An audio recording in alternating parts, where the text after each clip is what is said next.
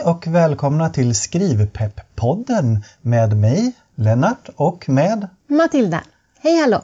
Idag är det dag nummer 13 och Matilda håller på att skriva sina 10 minuter som vanligt. Hur har det gått? Jo, det är lite svårare nu när det är vardag och jag har tid på verkstaden och det är födelsedagar. Och, så jag funderar lite på att hitta en annan tid på dagen än på morgonen.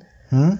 Å andra sidan är det då som jag har mest energi och så. Så att det, jag skulle vilja klara av det och skriva det på morgonen. Mm.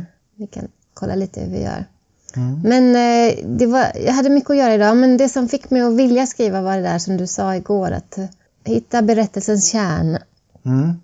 Och sen så försökte jag skriva, jag försökte leta lite efter berättelsens kärna. Och sen så sa du att varje scen skulle innehålla att man presenterar problemet, visar att det är ett mönster och sen någon slags klimax på problemet. Som jag fattade. Så det var det jag försökte skriva idag. Mm. Eh, jag tänkte snarare så här, om vi, om vi börjar med att klargöra vad en scen är. Mm, jag har Ja. inte riktigt koll på det. Jag bara tycker det låter fint att skriva scen 1 och scen 2. Ja, ehm, det finns väldigt många definitioner på scener så att vi, vi, vi håller oss till den klassiska franska definitionen av en scen. Nämligen att det är, och det här är en definition som kommer från 1600-1700-talet någon gång sådär.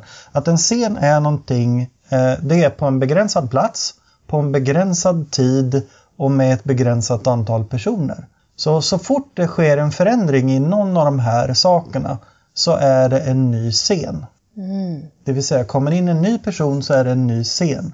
Kom, går ut en person så är det en ny scen. Byter man plats så är det en ny scen. Det här är ett ganska enkelt sätt att titta på det. Men nu, när jag tittar på det du har skrivit så har du snarare skrivit en sekvens av scener.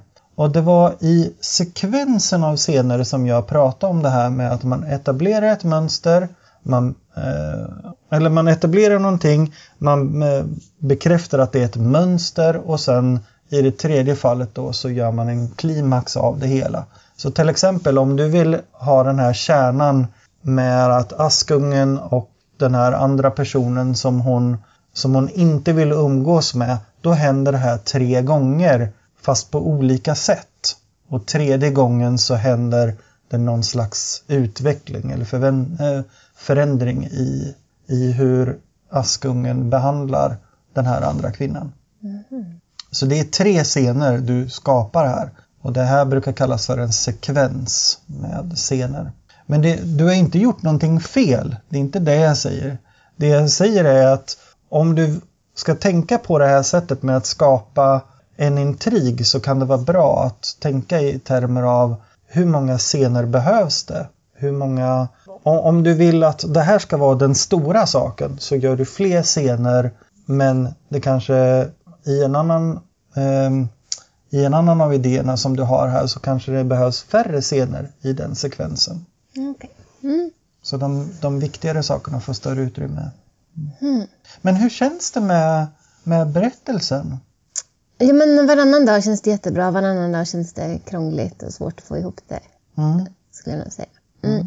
Men nu blev jag lite så här, så det är ju jättemånga scener i- i en berättelse då, om det ska vara Mm. Det är ju mycket mer än, än åtta som jag har skrivit. Mm.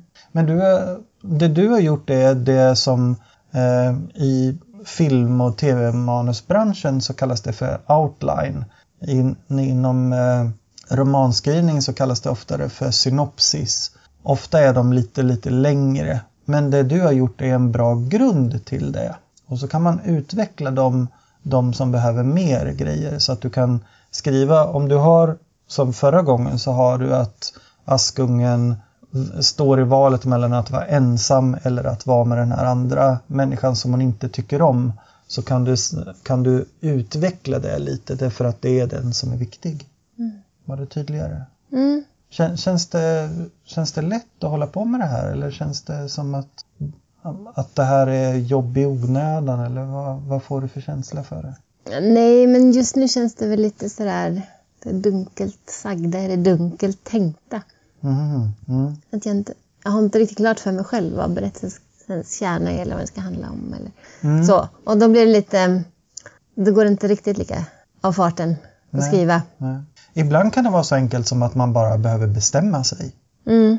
Men ibland så kan man behöva skriva lite mer för att se vad som, vad som blir his, historiens kärna. Okej. Och jag tror att i ditt fall så kan det vara så att du behöver skriva lite mer och bara utforska och, och komma på olika varianter. Du har ju listat ett par varianter här som är Askungens exman som ringer och vill byta vecka med barnen. Så där. Kan det vara en sak som, som ställer till det hela? Eller kan det vara en sak som kommer in bakvägen i berättelsen och, och ställer till det senare?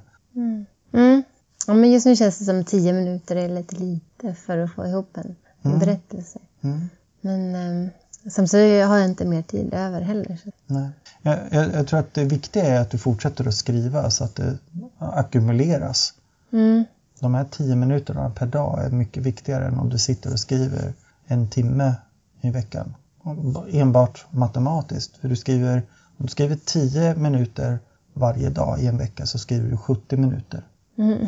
Mm. Så som jag inte riktigt kommer ner på djupet. Då. Nej, men du tänker på det en hel del. Mm.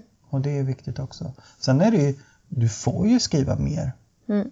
Och vi kan, vi kan se till så att du får lite tid. Det här är en viktig lektion att be om tid för Mm. att skriva. Mm. Okej. Men då får vi se hur det går i morgondagens avsnitt av Skrivpepp-podden.